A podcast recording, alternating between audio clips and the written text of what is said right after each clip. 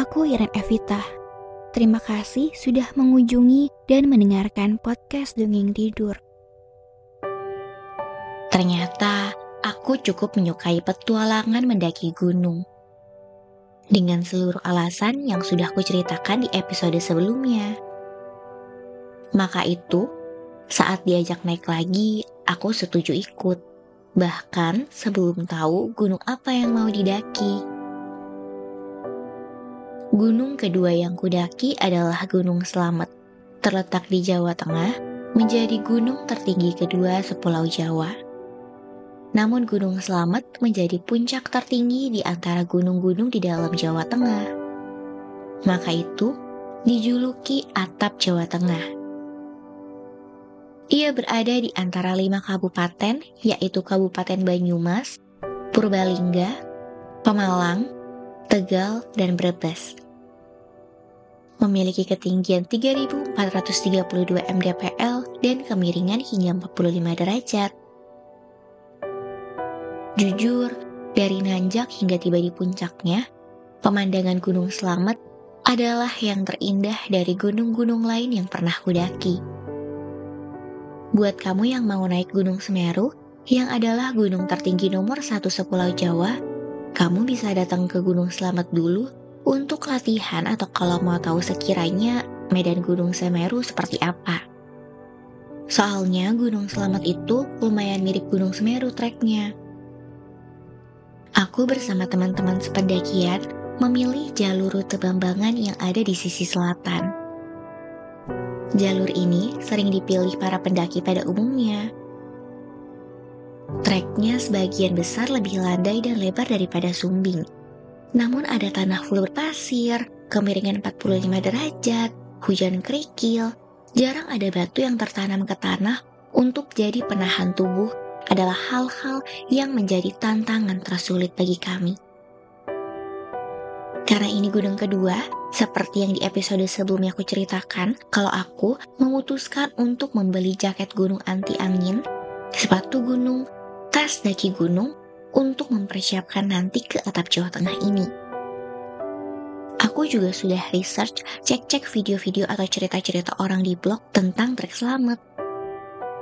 Jadi, aku bisa tancapkan tongkat mendakinya ke tanah pasir untuk menahan beban tubuhku agar tidak merosot dan tidak perlu mengulang langkahku sebanyak kalau tidak ada bantuan tongkat ini. Ada istilah mundur satu langkah untuk maju dua langkah. Sangat cocok bagi pendakian selamat. Bahkan kalau tidak ada batu yang tertanam untuk menyangkutkan diri, bisa-bisa lebih merosot lagi.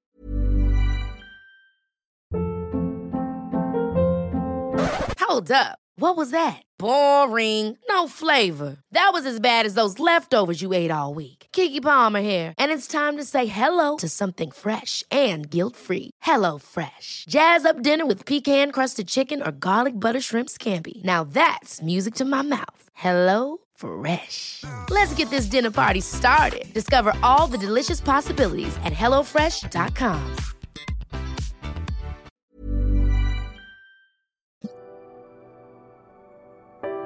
aku dan teman-teman bercanda, ini mah jalan tiga langkah mundur selangkah yang benar. Ada banyak batu yang bentuknya kerikil dan tidak tertanam ke dalam tanah atau pasir trek. Selain itu sangat berpasir, sehingga pas nanjak, kami mendapat hadiah baru, kerikil dan asap dari pasir yang berterbangan dari atas. Makanya, pasti muka kami cemong banget. Sampai kami saling fotoin dan kasih lihat satu sama lain. Lalu menertawakan wajah satu sama lain. Bahkan begitu tiba di tenda, kami coba bersihkan pakai tisu basah dan tisu kering, tapi seperti tidak ada gunanya. Karena masih ada hitam-hitam dari debunya, bahkan sampai ke dalam hidung aku. Itu saat aku juga sudah pakai masker, apalagi kalau tidak pakai masker kan ya.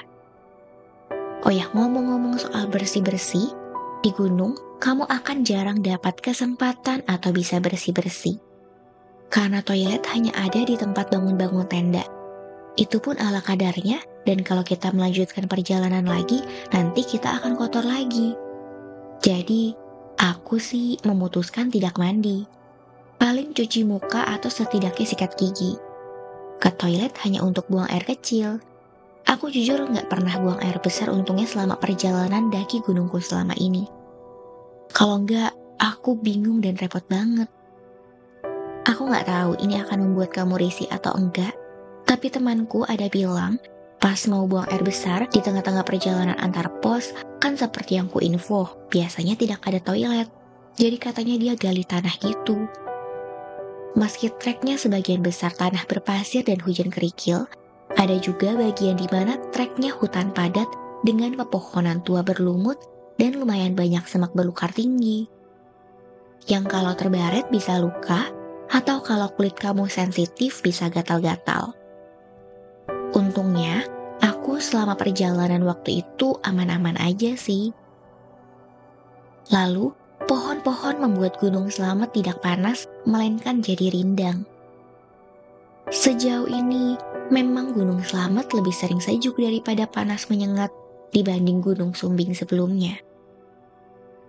Selain itu, untungnya belum hujan sejauh ini kalau hujan, pasti tanah berpasirnya jadi tanah berlumpur lengket. Saat tiba di pos 3, sudah siang, sehingga kami istirahat sebentar sekaligus makan siang. Selesainya, kami segera melanjutkan perjalanan karena tidak seperti gunung sebelumnya, pos di mana kami bisa membangun tenda masih jauh. Tiap bertemu pendaki lain yang dalam perjalanan turun gunung alias pulang, kami menyempatkan untuk bertanya, berapa lama lagi kak? Atau berapa jam lagi kak? Atau masih jauh nggak kak? Jawabannya selalu sama, sebentar lagi. Sebenarnya dalam hati kami tahu masih sangat jauh. Meski begitu, jawaban pendaki lain somehow bisa menyemangati atau memberi harapan kalau rasa lelah ini akan berakhir.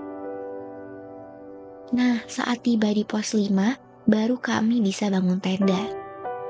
Kalau di Gunung Sumbing, tidak ada mata air, sehingga pasti kehausan dan harus hemat-hemat air minum. Di Gunung Selamet, tidak jauh dari tenda-tenda, ada mata air kami boleh ambil air di sana gratis. Bisa tambah-tambah stok minum. Setelah bangun tenda, kami masak dan makan malam.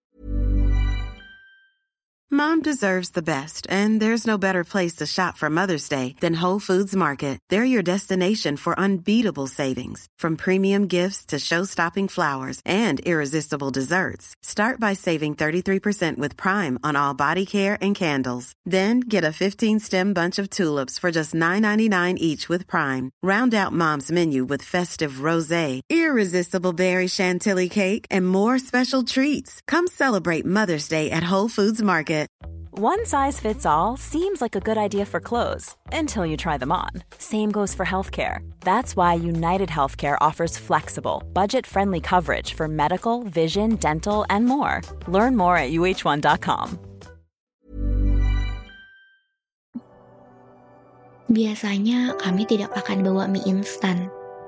Sebisa mungkin yang makanan beneran gitu. Soalnya kan besoknya mau perjalanan jauh naik puncak. Jadi moto kami, kalau di gunung jangan kayak anak kos. Alias makanannya perlu bernutrisi biar ada tenaga. Biasanya kornet masih oke, okay. yang kaleng-kaleng sebenarnya instan kan jatuhnya juga, tapi nggak seinstan mie instan. Terus sayuran kadang jadi makanan kami, kayak buncis yang gampang dibuat dan lumayan tahan dikit beberapa hari bahannya. Bahan makanan untuk masaknya kalau bisa yang tetap segar dalam beberapa hari. Terus tempe dan tahu. Kalau daging, biasanya bawa yang udah jadi biar praktis, bisa tahan beberapa hari jadi nggak busuk, dan pastinya rasanya enak, yaitu daging rendang. Telur sih udah pasti, bisa rebus dari rumah atau di bubble wrap biar nggak pecah. Buah semangka juga sering kami bawa kalau naik gunung karena panas-panas dan setelah jalan jauh enaknya makan yang segar dan fresh gitu. Biasanya warung-warung di pos-pos sepanjang perjalanan kadang jual semangka juga selain air mineral dan mie instan. Jadi bisa beli di mereka juga. Tadi buah, sayur, dan protein udah ya. Biar makin 4 sehat 5 sempurna, gak lupa karbohidratnya. Di sini kami bawa pasta yang tinggal direbus beserta saus carbonara. Ada temanku yang bawa roti bungkusan juga biar makin praktis. Bisa buat dicemilin di perjalanan, biar nggak cuma coklat coki-coki atau silver queen atau madu rasa aja. Buat yang nggak bisa hidup tanpa nasi atau nggak terasa makan kalau nggak pakai nasi, kami nggak bawa yang udah berbentuk nasi, tapi yang bentuknya masih beras. Jadi masak nasinya pakai panci uap gitu, bukan bawa rice cooker juga ya. Tidak ada colokan stop kontak dan listrik. Ngomong-ngomong listrik, Berarti kalau mau sering main HP dan baterai HP-nya tahan lama, kamu harus bawa power bank. Aku sih fokus jalan dan menikmati pemandangan. Baru sesekali buka HP untuk record aktivitas yang ingin diingat. Jadi tanpa power bank, baterai HP-ku lumayan bisa tahan lama. Sejarang itu aku main HP kalau lagi pas mendaki, karena tidak ada sinyal juga kan. Ada yang bawa kamera juga loh, tapi hati-hati, jangan sampai jatuh atau rusak. Mahal kan kamera soalnya. Habis makan, aku bareng teman setendaku menyempatkan diri untuk kesikat gigi lalu buru-buru tidur. Soalnya besok pagi harus bangun subuh untuk nanjak jauh dengan kemiringan yang butuh ekstra energi agar bisa menahan beban tubuh dan tidak terlalu merosot. Esok subuh setelah bangun, aku sarapan telur rebus lagi Aku gak terlalu tertarik sih makan telur, tapi ini kan mau gak mau ya. Langit masih gelap.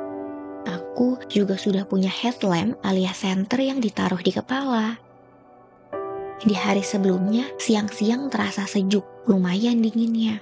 Apalagi ini subuh-subuh, berarti lebih terasa lagi dingin udaranya.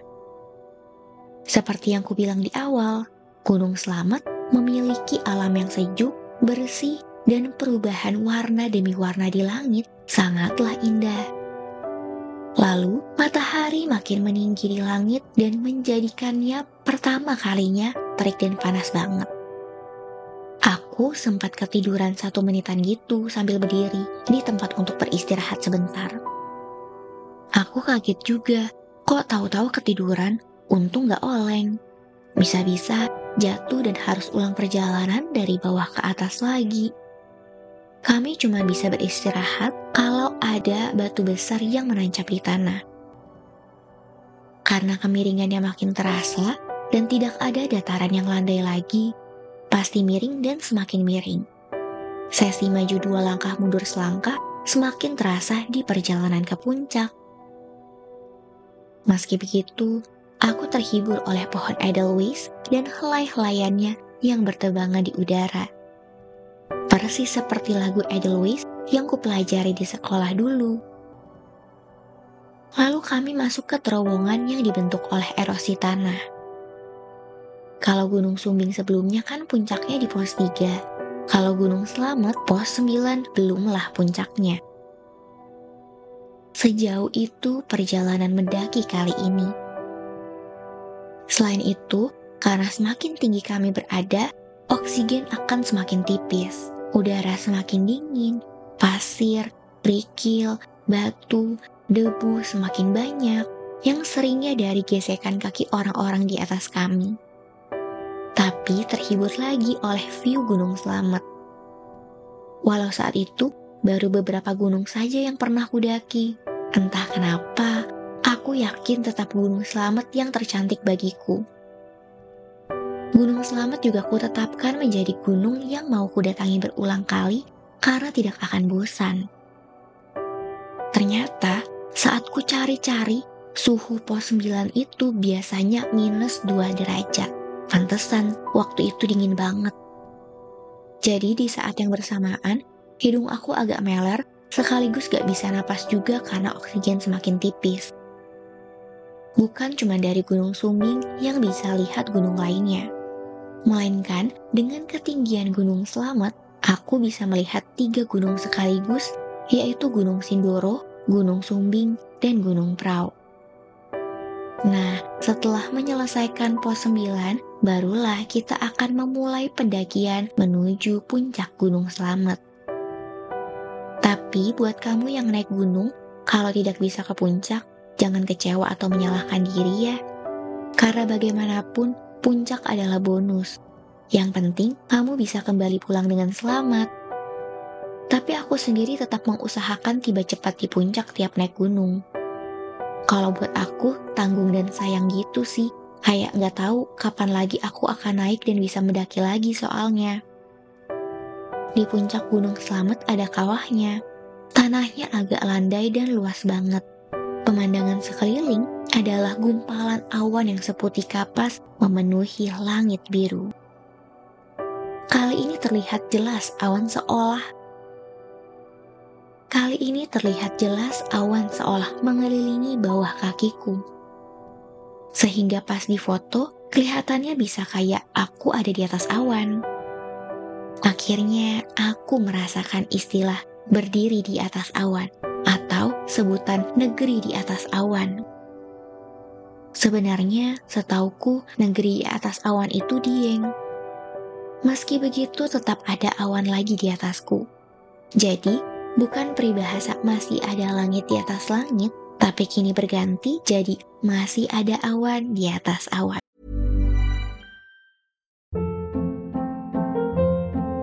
Hold up. What was that? Boring. No flavor. That was as bad as those leftovers you ate all week. Kiki Palmer here, and it's time to say hello to something fresh and guilt-free. Hello Fresh. Jazz up dinner with pecan-crusted chicken or garlic butter shrimp scampi. Now that's music to my mouth. Hello Fresh. Let's get this dinner party started. Discover all the delicious possibilities at hellofresh.com.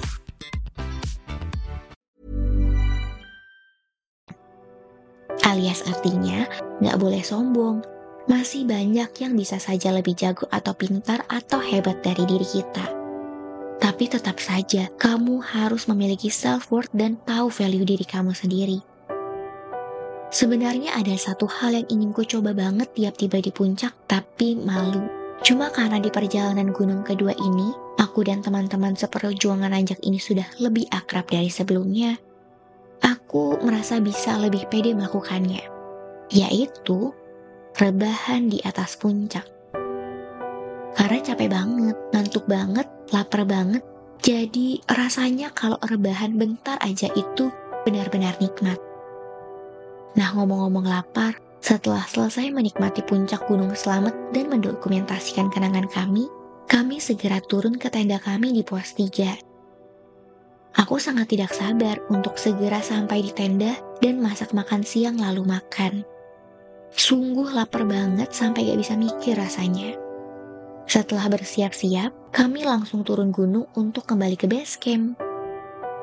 Kami tiba di base camp malam hari, sehingga menyempatkan tidur dulu sampai besok subuh karena jadwal kereta masih esok pagi. Ada sedikit kejadian saat turun mendekat ke base camp. Jadi aku haus dan itu sudah malam sekali. Tapi aku merasa beruntung saat melihat penduduk yang sedang beres-beres warung. Kuharap ia masih jual air mineral saat itu.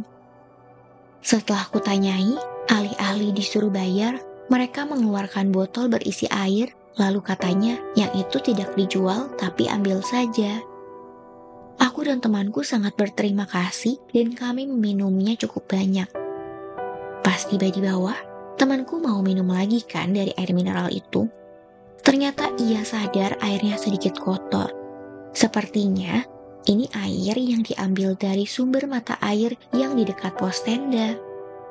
Namun mungkin karena sempat hujan, jadi airnya agak sedikit tercampur atau tidak sebersih sebelum hujan.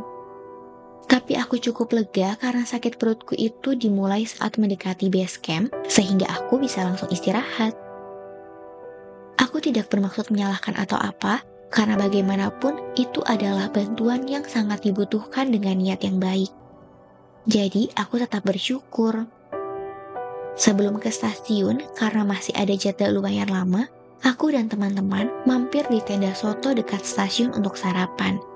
Walau sebenarnya, sarapanku nggak sepagi itu, tapi jangan sampai mah kalau di dalam kereta tidak ada makanan. Aku baru tahu kalau soto Jawa Tengah ternyata ada kacangnya dan lebih ke arah manis. Selama ini, aku hanya pernah makan soto Betawi dan soto Banjar yang biasanya lebih asin. Menurutku, seluruh pengalaman dari awal berangkat hingga kembali ke Jakarta sangatlah berharga dan baru bagiku. Lagi-lagi aku mendapati hal baru dari diriku. Apalagi Gunung Selamat kali ini lebih tinggi dari sebelumnya. Aku masih takut ketinggian, tapi karena treknya lebar, jadi tidak terlihat jurang kiri kanan, sehingga aku nggak setakut pas Gunung Sumbing. Aku melewati batas diriku sebelumnya. Ada achievement baru yang kudapatkan. Rasanya menyegarkan mengetahui dan merasakannya.